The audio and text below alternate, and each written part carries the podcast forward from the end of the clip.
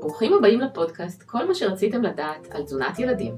כאן איתכם ענת תבור ויעל חן רביה, אנחנו דיאטניות קליניות מומחיות לתזונת ילדים ומשפחה, והפודקאסט שלנו מוקדש כולו לנושא המרתק של תזונת ילדים, על כל ההיבטים שלו. חשוב לנו להגיד שהפודקאסט הוא ממש לא על דיאטה לילדים, ועם הזמן תוכלו להבין שאנחנו לגמרי נגד דיאטות במובן העצוב והישן, ולא מאמינות בהן. לתפיסתנו בריאות רגשית וגופנית שזורות זו בזו ולא ניתן להפריד ביניהם. אנחנו מאחלות לכם האזנה נעימה, מעניינת ומועילה. אז שלום לכם, אנחנו כאן בשיחה מאוד מעניינת היום על הנושא של אה, מעבר למזונות משלימים.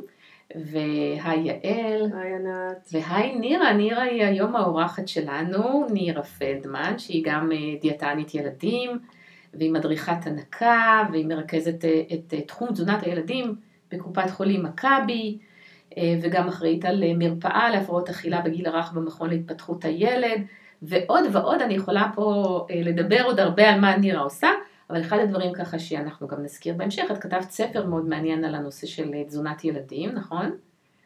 כן, היי, תודה שהזמנתם אותי, אני ממש ממש שמחה להיות פה, אה, ויהיה לנו כיף. אז מה בעצם אה, כל כך מיוחד בשנה הראשונה? אז שנת החיים הראשונה, האכילה מתפתחת, דינמית, משתנה, וכל תינוק הוא יחיד ומיוחד. התזונה בשנת החיים הראשונה שונה מהתזונה בכל החיים. אין בעצם עוד שנים כאלה שכל כמה חודשים אנחנו צריכים לשאול, ומה עכשיו צריך לתת לתינוק. אה, בנוסף, לכל תינוק יש אה, טמפרמנט שונה וקצב התפתחות אישי, אה, וכל הורה לומד להכיר את התינוק שלו, ומילת המפתח היא התאמה אישית לתינוק שלנו. בשנה וחצי הראשונות התינוק הייתי רוצה שההורים יראו את זה שהוא נמצא בשעת לימוד. הוא לומד לאכול ומיומנויות האכילה שלו מתפתחות אה, בהדרגה. ומי עוזר לו לתינוק ללמוד? ההורים. ההורים הם המורים והמלמדים של התינוק. נהדר, זה, זה באמת כל כך נכון ש, שההורים צריכים להתייחס גם לתקופה הזאת כאל תקופת לימוד, ולא רק להתייחס לאוכל בתור אוקיי, מה שחשוב זה כמה ביסים ומה הכניס הילד לפה, אלא לעשות את הכל באמת בסוג של הקשבה לתינוק והתאמה לאיך הוא מגיב, ושהכל יהיה fun, אני, אני נורא בעד לעשות את כל הדברים האלה אה, באופן נעים וכיפי, כי חלק בלתי נפרד הרי, נכון? זה החוויה החיובית, וזה טוב שאת מתייחסת לזה. אז אה, בואי נשאל אותך, מה בעצם היום אה, כשאנחנו, התינוק שלי עכשיו, נניח, הגיע לגיל חצי שנה, מה, מה אני עושה מחר בבוקר? אז באמת שנת החיים הראשונה יש שני שלבים. צריך לזכור ששנת החיים הראשונה, הבסיס שלה היא עדיין או חלב אם, או אה, הנקה ישירה, או אה, אה, תרכובת מזון לתינוקות, אבל מגיל חצי שנה אה, אנחנו צריכים לשלב מזונות משלימים של מה שנקרא שלב המחית והכפית, ואחר כך השלב השני זה מעבר למוצקים, כשהדגש הוא אה, שילוב של מזונות שהם אה, עשירים בברזל, כי הברזול, הברזל הוא חשוב לגדילה ולהתפתחות, והמזונות המשלימים הם חשובים בהיבט התזונתי. השלב של המוצקים זה בגין, בגיל, בין גיל תשעה חודשים עד 12 חודשים, החשיבות של השלב הזה הוא יותר אה, התפתחותי, אנחנו רוצים לראות שהתינוק מתחיל להכיל את עצמו אה, באופן עצמאי, עם הידיים, עם האצבעות שלו, הוא גורף בהתחלה את המזון עם כל כף היד, אחר כך אה, הוא תופס את זה בעזרת שתי האצבעות שלו. אוקיי, אז, אז נהדר שככה עשית לנו סדר בתקופות. מה שאני רוצה עוד לשאול זה איך אנחנו יודעים, כי מדברים נכון על הנושא של סימני מוכנות, איך אני יודעת שהתינוק שלי בשל להתחיל מזונות אה, משלימים, ופעם קראו לזה טעימות, היום קוראים לזה קצת אחרת, אז מה, מה, איך אני יודעת את זה? איך אני יודעת מתי אני יכולה להתחיל? אז יש כמה סימנים שהתינוק מוכן לשלב הבא, לשלב של המזונות המשלימים. התינוק הכפיל את משקל הלידה, רצוי שהוא ישקול סביב שישה קילוגרם, שהראש שלו יהיה יציב, שהוא מכניס אה, יד וצעצועים לפה ושהוא מסוגל לשבת עם תמיכה.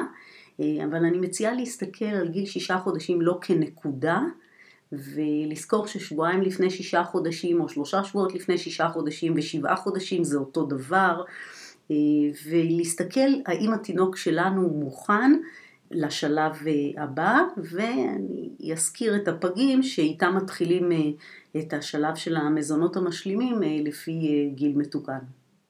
אוקיי, okay. אז בואי, בואי תגידי לי ככה מה, מה אני עושה, שוב אני חוזרת לשאלה, איך אני מתחילה? התינוק שלי בן חצי שנה, מה, מה עושים עם זה? אז אה, קודם כל מתרגשים ושמחים, וזה באמת אה, שלב שהורים מתכוננים אליו, וחלק מההכנות זה גם אה, השתתפות בכל מיני הדרכות ולשמוע איך לעשות את זה. הרעיון הוא להגיע לאכילה של, בהכנה של מרקם מתאים, להתאים את המרקם שצריך, שהתינוק מסוגל לאכול, שהוא מיומן כבר, ולמצוא את הכפית הנכונה.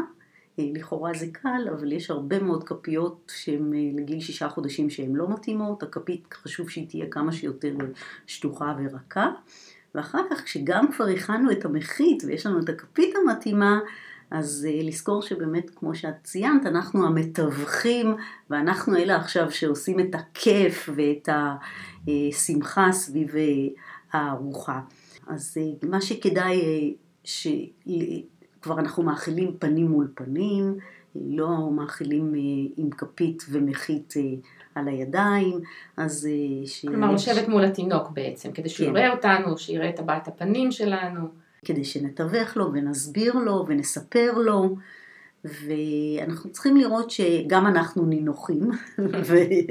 ואנחנו לא מתרגשים מדי וגם אה, הוא, אה, הוא לא רעב מדי, הוא לא עייף מדי, הוא נמצא בזמן של, אה, של חוויה חדשה, כן. שהוא מוכן לקבל חוויה חדשה. זה, זה מאוד חשוב באמת לא להכיל אותו בזמנים שהוא עצבני מאוד או שהוא כבר רוצה לישון וכאלה, אלא בזמנים ככה שאפשר, אה, שיש לו איזה מרץ ל...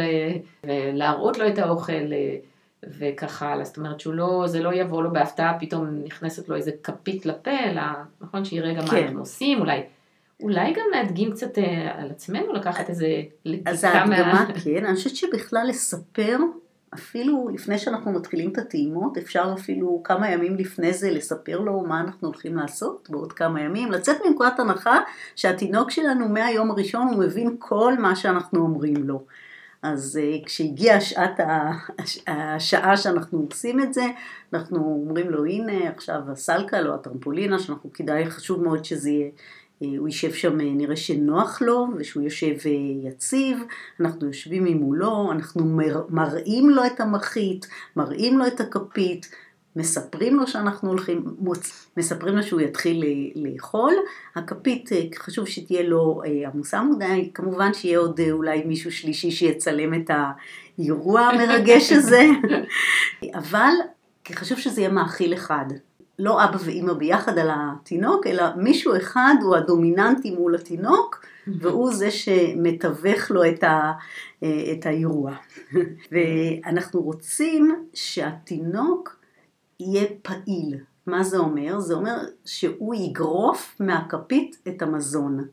לכן אנחנו מביאים את הכפית למרכז הפה, אנחנו שמים לב שאנחנו לא יותר מדי לוחצים על הלשון כדי לא בטעות להפעיל את רפלקס ההכאה. כן, אצל תינוקות הוא פשוט מאוד קדמי, כלומר מספיק ללחוץ די בחלק הקדמי של הלשון עם הכפית בשביל שהתינוק יעשה ב...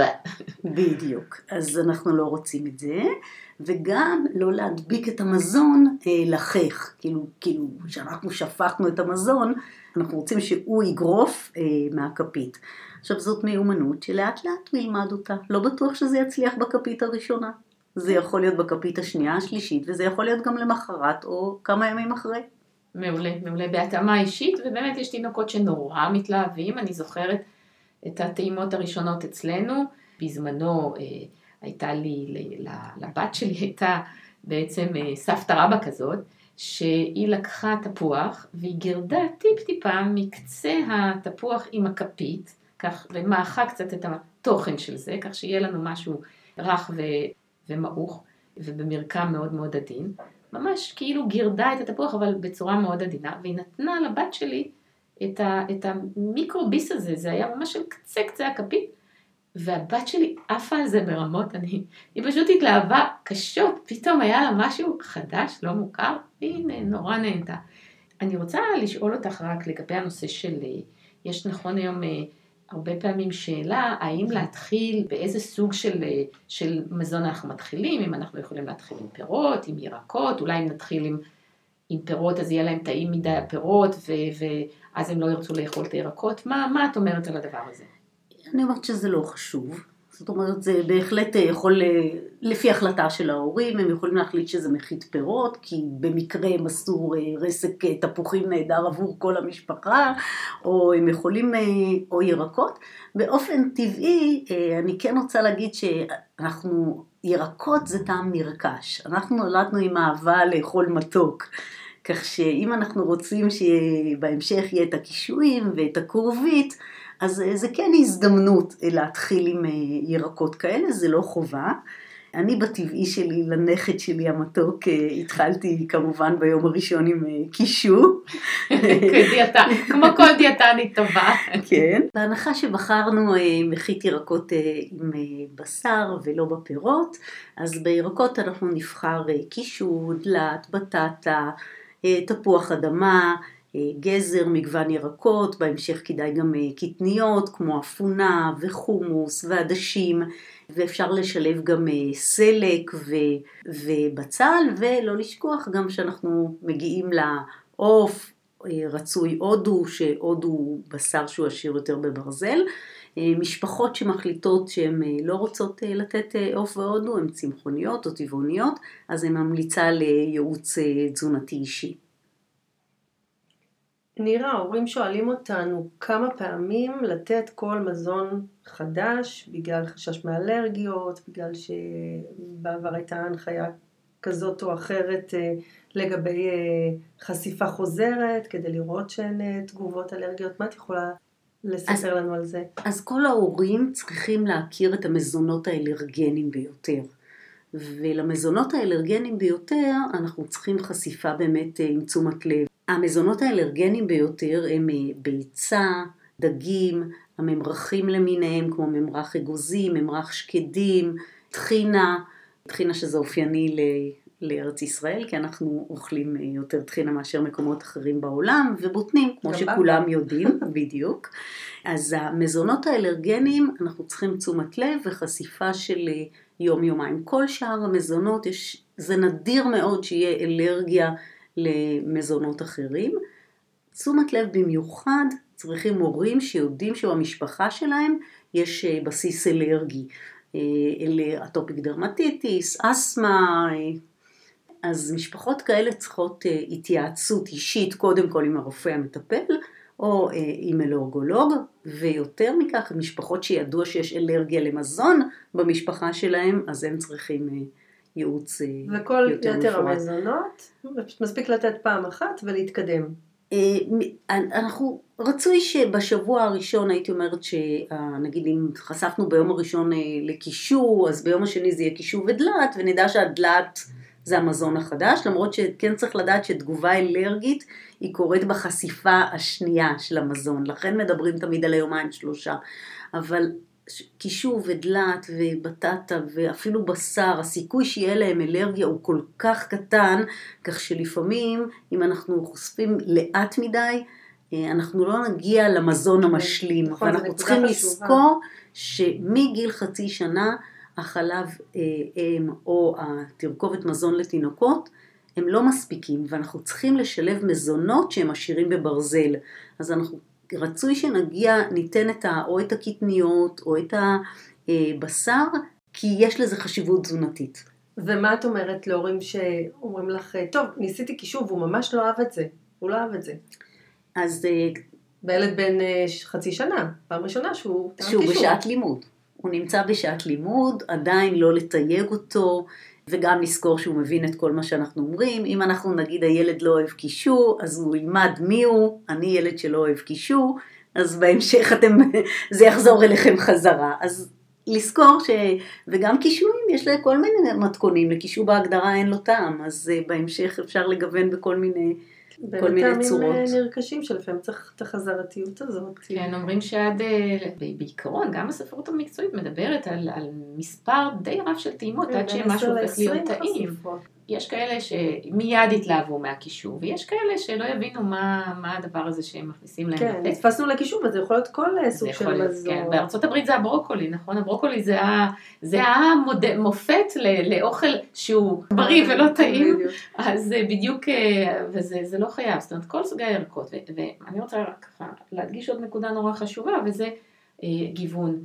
כי אה, בתור מי שהרבה מאוד פעמים נתקלת בילדים בררנים, כלומר כאלה שלא לא מוכנים לאכול מזונות מסוימים, אז אחד הדברים הכי חשובים ל, לילדים בגיל צעיר זה להבין שמזונות יש להם מגוון מאוד מאוד רחב של צבעים ושל טעמים, קצת יותר מאוחר גם מרקמים שונים, אז מאוד מאוד חשוב לא להתקבע על מגוון מצומצם, אלא בשלב הזה בעיקר כשילדים עוד מתלהבים ומוכנים להכניס כל דבר לפה כי זאת הרפתקה מאוד uh, מלהיבה עבורם, אז בשלב הזה לתת להם את המגוון הרחב ביותר שאנחנו יכולים, כלומר ממש ללכת לחנות ולחפש איזה ירקות עונה יש לנו עכשיו ולא לפחד לתת דברים שאנחנו אולי לא כל כך אוהבים לאכול כי אנחנו פשוט לא אוהבים להכניס את זה הביתה, לא, דווקא זה הזמן לעשות את זה. ונגיד שהכנו קישור, וחשפנו גם חמש ושש פעמים בצורה מסוימת, וכל פעם הילד מוציא ולא רוצה. אז אפשר גם להגיד, בצורה הזאת, הילד לא אוהב את הקישור. כאילו, אפשר גם על טעם וריח אין להתווכח. בדיוק, ויש לו טעם. נכון, זה נכון. לא אומר שנוותר לגמרי על הקישור, נוותר על הקישור באופן הזה. נכון, אולי בשלב מאוחר יותר, הוא אוהב קישור בסלט, אני לא יודעת. נכון, ולא ניתפס רק על הקישור, אז לי זה ברור שמגישים גם ברוקולי וכרובית וירקות. כן, ירקות מכל הסוגים, שזה באמת הטעם היותר קשה נגיד להתחלה, אבל הילד עוד לא יודע למה לצפות, אני אספר לכם סיפור מצחיק שקרה לי כשאחותי, הבן שלה היה בן שנה, והיא אז גרה באותה תקופה בארצות הברית, ו, והיא פשוט, אה, היא מאוד אוהבת ירקות, אז היא נתנה לו המון המון המון סוגים של ירקות, ואיכשהו יצא ש... שהיו המון ירקות ירוקים, ואז פעם ראשונה נתנו לו לטעום אבטיח, אני הייתי אצלה בארצות הברית, לקחנו, נתנו לו חתיכת אבטיח, והילד במקום ללכת לחלק האדום של האבטיח, התעקש לאכול את החלק הירוק, כי מבחינתו זה אוכל, והשני זה לא אוכל. יש שני טיפים שאני קראתי אה, במחקרים, אני לא זוכרת את השם של החוקרת, אבל היא עוסקת ב... אה, במעבר למוצקים ותזונה של תינוקות, ואחד הטיפים הוא שאם תינוק אה, נרתע בואו נחזור לקישור, מקישור, אז לצרף את זה עם עוד סוג של אה, אה, פרי או ירק שהוא כן נפתח אליו. והטיפ השני זה החשיפה החוזרת לא צריכה להיות יומיומית. זאת אומרת צריך להיות מרווח של כמה ימים בין חשיפה לחשיפה. לא לחזור על זה יום אחרי יום אחרי יום. עוד באמת בהמשך לטיפ הזה של לא לחזור יום אחרי יום, באופן כללי כדי לעודד גיוון, גיוון, כשאני אומרת גיוון אני מדברת על המשך החיים ולמנוע בררנות, אז מאוד כדאי לא לתת את אותם מזונות שוב ושוב, גם כי אפילו אם הילד מאוד אוהב את זה, זה בסוף יימאס עליו. יש לזה אפילו מונח, קוראים לזה שחיקת מזון, שאם אנחנו נותנים יום אחרי יום אחרי יום את אותו הדבר בדיוק, באיזשהו שלב הילד כבר אה, לא כל כך מתלהב מזה. אז גם לצרף מגוון יותר רחב של אה, מזונות, וגם לא לתת אותם, גם אם ילד מאוד אוהב משהו, אז לא לתת לו על בסיס יומיומי. כן, א', כי הוא מתקבע, וב', כי באיזשהו שלב זה יימאס עליו. אני חושבת שיש לזה גם איזשהו הסבר אבולוציוני.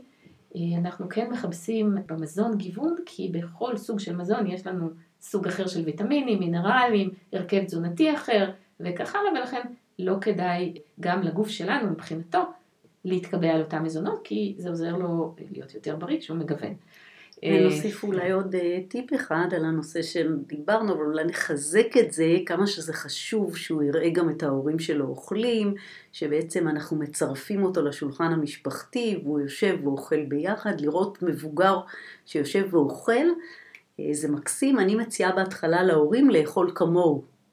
כלומר, לקחת אפילו את המחית, אותה מחית ולאכול... באמת, לאכול את החול? בדיוק. או אחר כך את המוצקים, אז לאכול באופן דומה ליכולת אה, של התינוק. נכון, יש לזה אפילו הסבר. וגם לא לשכוח את המילים, מבינים אותנו מההתחלה, בדיוק כל מה שההורה אומר, התינוק מבין, אז לספר, לדבר, שזה יהיה חלק אה, מהארוחה.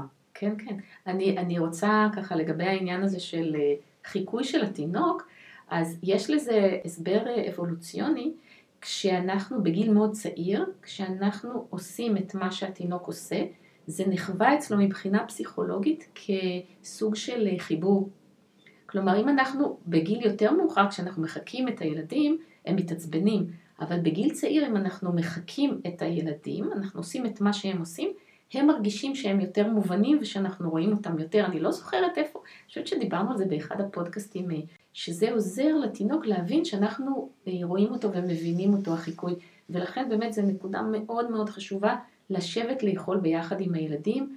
אני יכולה להגיד מניסיון, מתצפיות על, על הורים וילדים ותינוקות, וגם הניסיון האישי שלי, שכשאני זוכרת את עצמי בתור אימא, יושבת ואוכלת, והבת שלי מסתכלת עליי במעין התלהבות ומתלקקת, ורוצה את מה שאני רוצה.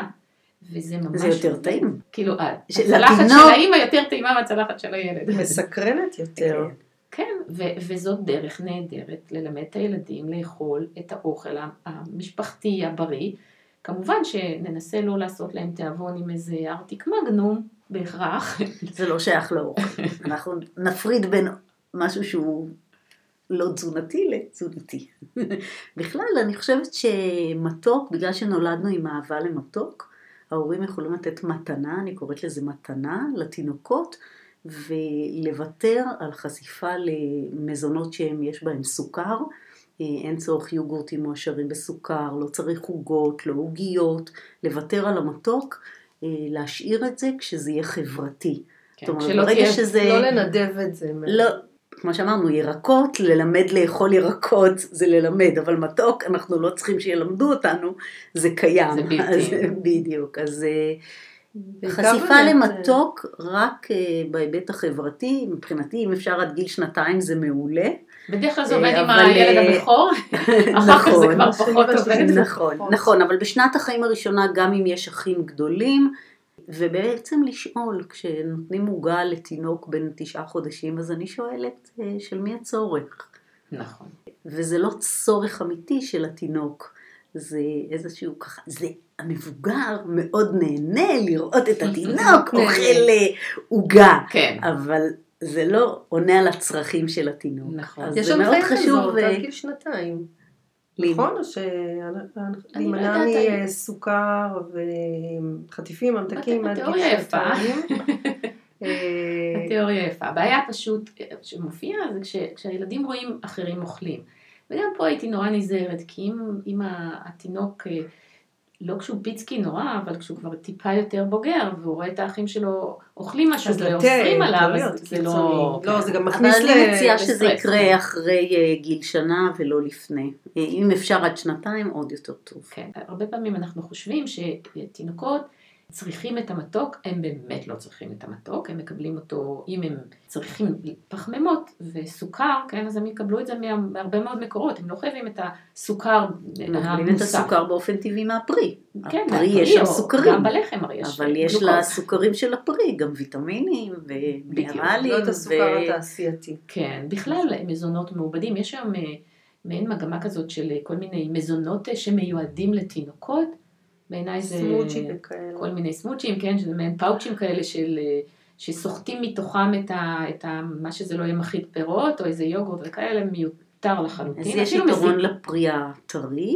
כן. אה, יחד עם זאת, יש אה, עם אה, עוגייה יהודית לתינוקות שהיא לא, אין בה סוכר, אני חושבת שצריך להבדיל בין מה שאנחנו נותנים ברגיל לבין מה שאנחנו צריכים לפעמים לתרגול של התינוק. כן.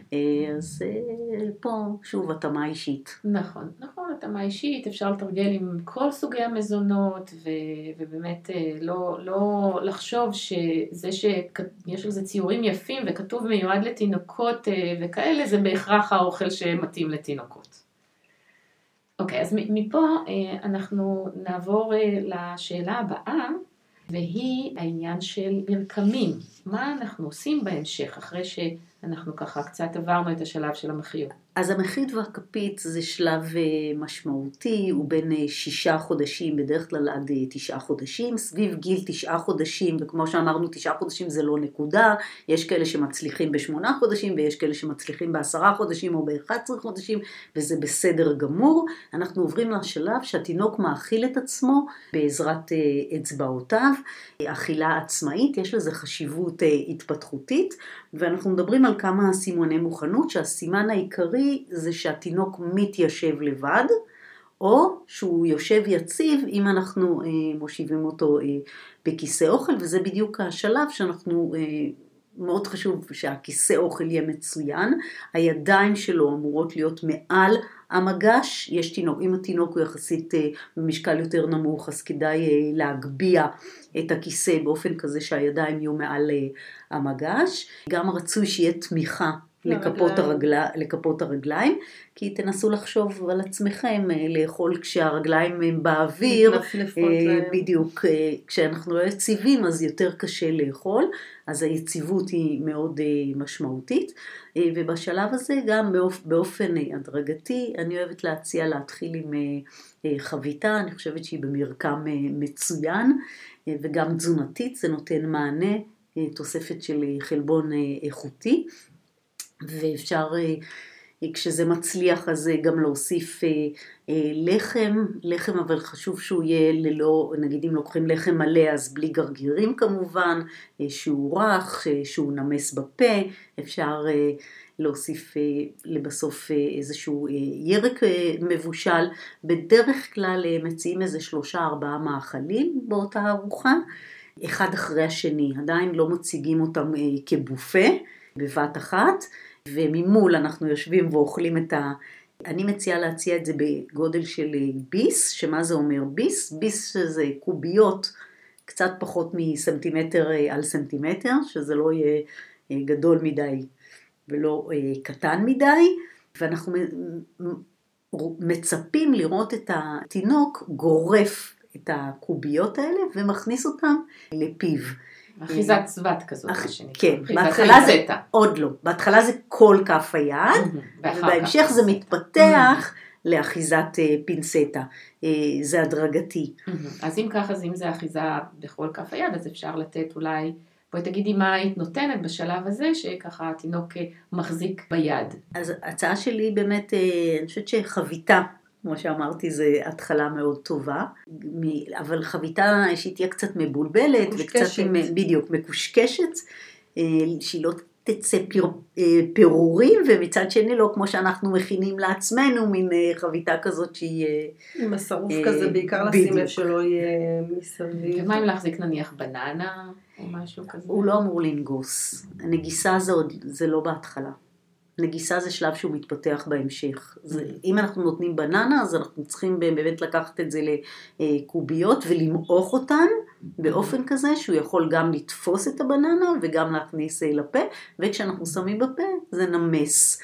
אני מציעה לבדוק הרבה פעמים את המזון אה, בפה שלנו ולראות אם זה באמת... כלומר, לטעום לבד ולראות בדיוק, לראות אם זה מספיק רך. ואז אה, הוא עובד על זה ואוכל. כי בשלב הזה אנחנו מוסיפים גם את המים. Mm-hmm. את המים אפשר להגיש אה, בצד בקבוק מים.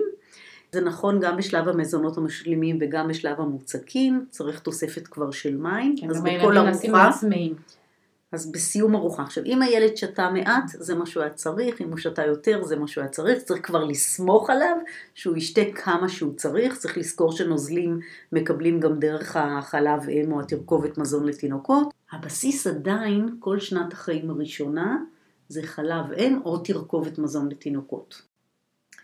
אוקיי, okay, אז אמ, בואי נמשיך לנושא של אה, כמות. הרבה פעמים באמת הורים מתבלבלים ואומרים, אבל אני לא יודע מה הכמות הנכונה. אז מה, מה את יכולה ככה, איזו עצה את יכולה לתת בעניין הזה של הכמות? אה, אז נתחיל בכללי שאנחנו סומכים על התינוק.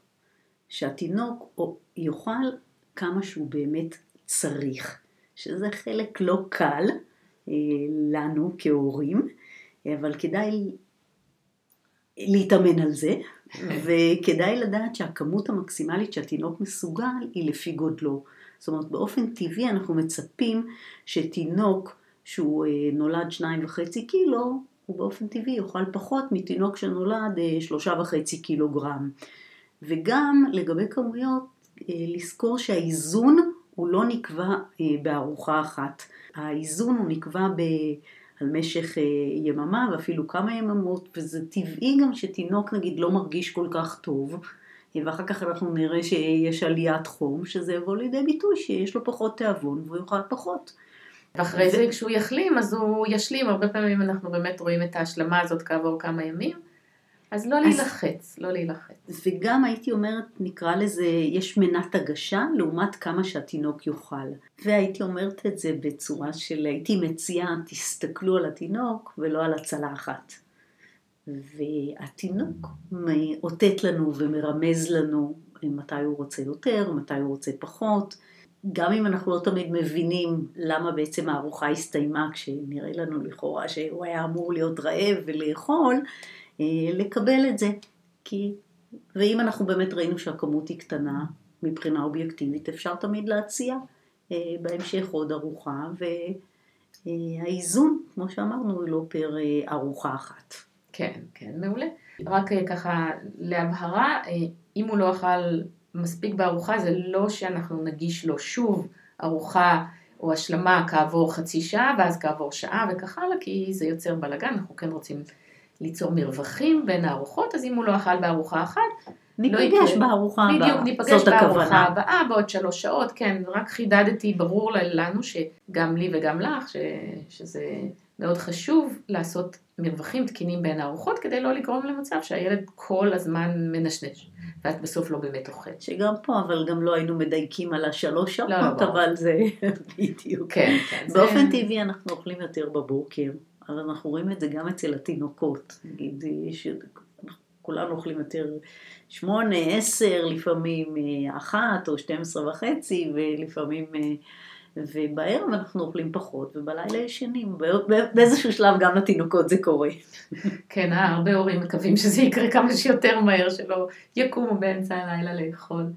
אוקיי, אז, אז אני ככה רוצה גם לשאול אותך לגבי הנושא הזה של האותות של התינוק וההקשבה למה שבעצם התינוק אומר לנו בזמן, במילים ללא מילים שלו. אז בואי תרחיבי על זה טיפה. אז לנסות לזהות את הרמזים של התינוק, מתי הוא אה, רעב ומתי אה, הוא שבע. בתחילת הדרך הייתי אומרת שבכי נקרא אה, אה, מאוחר מדי, סימן מאוחר מדי, ולא לחכות שהתינוק יבכה כדי לבקש אה, ארוחה.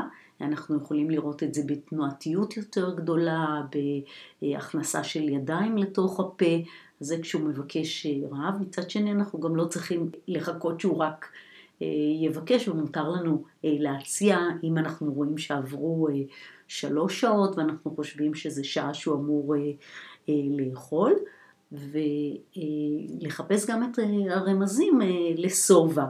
אז לפעמים זה אומר נגיד כשאנחנו מדברים על אכילה של אה, מוצקים ונתנו לאכול אה, פרוסת לחם עם ממרח של אה, טחינה או ממרח אבוקדו או ממרח גבינה ואחרי שניים שלושה ביסים הוא פתאום לא רוצה לאכול אז זה לא אומר שהארוחה הסתיימה. יכול להיות שהוא רוצה שנגיש לו עוד איזשהו מזון מסוים אז uh, אנחנו יכולים לנסות להציע לו עכשיו את הירק או את החביתה או לסיים ביוגורט uh, עם כפית לסיום הארוחה, כך שגם לא לחכות שהתינוק יבכה uh, בסיום הארוחה, לתת לו הרגשה וחוויה טובה ולנסות, יש תינוקות שמזיזים את ה... את הפנים, אה, יש כאלה שדוחפים את המגש, יש כאלה שאפילו אה, מזיזים את הסינר, וכל, אנחנו נכיר את התינוק שלנו ושהוא יבין אה, שאנחנו הבנו אותו. יש את הנושא הזה שתינוקות אוהבים לזרוק את האוכל. עכשיו לפעמים זה סימן שהארוחה הסתיימה, ולפעמים זה סוג של אה, משחק שהוא מתאים ואופייני לגיל הזה של אכילת אה, מוצקים. אה, אנחנו, את הנושא הזה של התינוק זורק, ואז והוא רוצה לראות שהאוכל חזר חזרה, לתרגם את זה, לשחק את, את, איתו עם כדור נגיד, אז זה מונע קצת את המשחק הזה בזמן אכילה של מוצקים. ההצעה שלי שאם התינוק זורק את האוכל, להתעלם מזה בשלב הזה, לא להגיד לו אל תזרוק, אלא כן לקבל את זה לפעמים כאיתות הסתיימה ארוחה. זה יכול להיות איתות, רגע, אנחנו צריכים להביא לו אטרקציה נוספת, יכול להיות שכדאי להביא עוד סוג של מזון, אבל יותר טוב לתרגם את זה לפעמים, אם זה לקראת סוף הארוחה, שהארוחה אה, הסתיימה. אז לחפש את הרמזים של התינוק שלנו, mm-hmm. אה, גם למלל את זה ולהגיד הארוחה הסתיימה, אנחנו עכשיו מנקים את המגש, עכשיו אני תכף, אנחנו מוציאים אותך, לסגור, גם כמו שפתחנו את הארוחה והסברנו לו שתכף מתחיל, אנחנו מתחילים לאכול, אה, אני אחדד את זה שוב, את הנושא של להכין את כל המזון אה, לפני שאנחנו מושיבים את התינוק, כי אה, זה זמן קצוב כמה התינוק מסוגל לשבת ליד השולחן. אז כל ההכנות להכין אה, מראש, אם אנחנו בחרנו בהכנה של אה, לביבת אה, טונה או קציצת בשר, לביבת כרובית, או פשטידת תרד, אז את כל ההכנות האלה, הכל נעשה מראש, אנחנו מושיבים אותו ליד השולחן רק אחרי שהכנו את כל המאכלים, אז באותו אופן אנחנו גם מסיימים את הארוחה.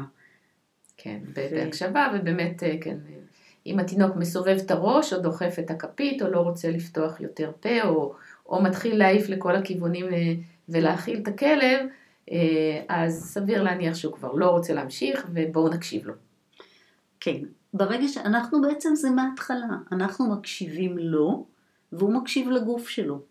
אנחנו מלמדים אותו הקשבה לתחושות שובע ורעב.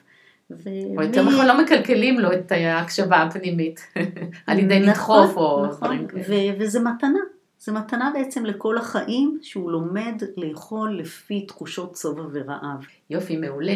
אז אני חושבת שאנחנו נסכם עכשיו, ובואי ככה בכמה משפטים נגיד על מה דיברנו. אז אה, לסיכום, כמו שאמרת, אה, אכילה היא מתפתחת, דינמית ומשתנה. אנחנו רוצים התאמה אישית לפי ההתפתחות שלו המוטורית. יש קשר בין ההתפתחות המוטורית של כל הגוף לבין ההתפתחות אה, בפה. אנחנו צריכים לראות באיזה, תנ... אה, באיזה שלב הוא נמצא. ואז אנחנו יודעים שהמיומנות שלו, של האכילה, התפתחה. שנת החיים הראשונה היא אה, בעיקר, אה, הבסיס שלה, אמרנו הנקה או חלב או תרכובת מזון לתינוקות. סביב גיל חצי שנה אנחנו מתחילים עם המחית והכפית, עם מזונות שהם עשירים בברזל. מסביבות גיל אה, תשעה חודשים, ואמרנו תשעה חודשים זה יכול להיות גם עשרה חודשים, ארוחה נוספת של מוצקים, אכילה בעזרת האצבעות, שיש לזה חשיבות התפתחותית. לכל אורך הדרך אנחנו מלמדים את התינוק, אנחנו מספרים לתינוק, אנחנו מקשיבים וערנים לאיתותים של השובע והרעב שלו, לרמזים שלו, מתי הוא צריך עזרה, מתי הוא לא צריך עזרה. אה, והוויסות בסופו של דבר של הכמויות לא נקבע אה, בארוחה אחת. אנחנו, הייתי אומרת ככה עוד אה, טיפים, אה, אל תתייגו את התינוק, כמו שהזכרנו, הוא לומד מי הוא דרככם, אז מי שאתם רוצים שהוא יהיה, אתם יכולים אולי לומר לו, אתה ילד שאוהב לאכול וכיף לאכול איתך, רק אה, משפטים חיוביים, והתינוק הוא בשעה שהוא לומד כל הזמן, ואנחנו המורים שלו ומלמדים אותו. אכילה והאכלה הם סוג של תקשורת. תקשורת מילולית פירושה דיבור, תקשורת לא מילולית כוללת הקשבה, מבט, חיבוק, נשיקה וחיוך. ומתי כדאי לפנות לייעוץ אישי? קודם כל כשיש קשיים, וקשיים הקטנים ביותר, כדי שהקשיים האלה לא יגדלו. אז, ואפשר לטפל בקלות יותר כשהקושי הוא קושי, קושי האתגר אה, הוא קטן יותר, אה, ובמקרים בהם הרופא ציין שיש מעברים בין אחוזונים למטה או למעלה, אם יש עצירה בקצב העלייה במשקל, או להפך האצה במשקל, או שההורים אה, בוחרים ורוצים להתייעץ, זה מכל מיני סיבות, יכול להיות גם סיבות רפואיות כמו צליאק, אלרגיה למזון, עצירות, אבל כל קושי שקשור למזון, לאכילה ולהאכלה, ההורים מוזמנים אה, להתייעץ עם תזונאית אה, קלינית, ייעודית לילדים. אז תודה לכן ענת ויעל אה, שהזמנתם אותי לפודקאסט המצוין והמלמד שלכם. אני נהניתי, היה כיף. נירה, תודה רבה שהצטרפת אלינו היום, ואנחנו החכמנו וגם ההורים שמאזינים לנו. אני רוצה מאוד להמליץ על הספר שלך, הוא פשוט ספר נהדר. אה, אבן דרך לפי דעתי שכל אימא וכל אה, אבא וכל הורה אה, צריכים שיהיה להם, ותודה רבה. תודה, תודה, ממש ריגשתם אותי ושימחתם אותי והיה לי כיף להיות פה. ותגידי איפה משיגים את הספר שלך? את הספר שלי אפשר בימים אלה לרכוש דרכי. אה, ומי שמעוניין אז אפשר יהיה לצאת את הטלפון שלי וייצרו איתי קשר ואני אשלח אפשר דרך הפייסבוק או דרך הדף, יש לי דף אה, אני אצרף את הקישור אה, לדף הפייסבוק שלך אם את רוצה בשואו נוטס מה שנקרא, שזה כן, בעצם... אז ב... יש קישור לרכישה של הספר. בתיאור של הפודקאסט. תודה ענת. תודה יעל ותודה נירה ושמחתי להיות פה איתכם, אתם כמובן מוזמנים להמשיך ולעקוב אחרי הפודקאסט שלנו ואנחנו כל פעם נעלה תוכן אחר. אתם גם יכולים לשלוח לנו תגובות ולדרג את הפודקאסט, זה עוזר לקדם אותו וכמובן להמליץ עליו לכל הורה שמתעניין בתחום. אז תודה רבה לכם וביי. thank you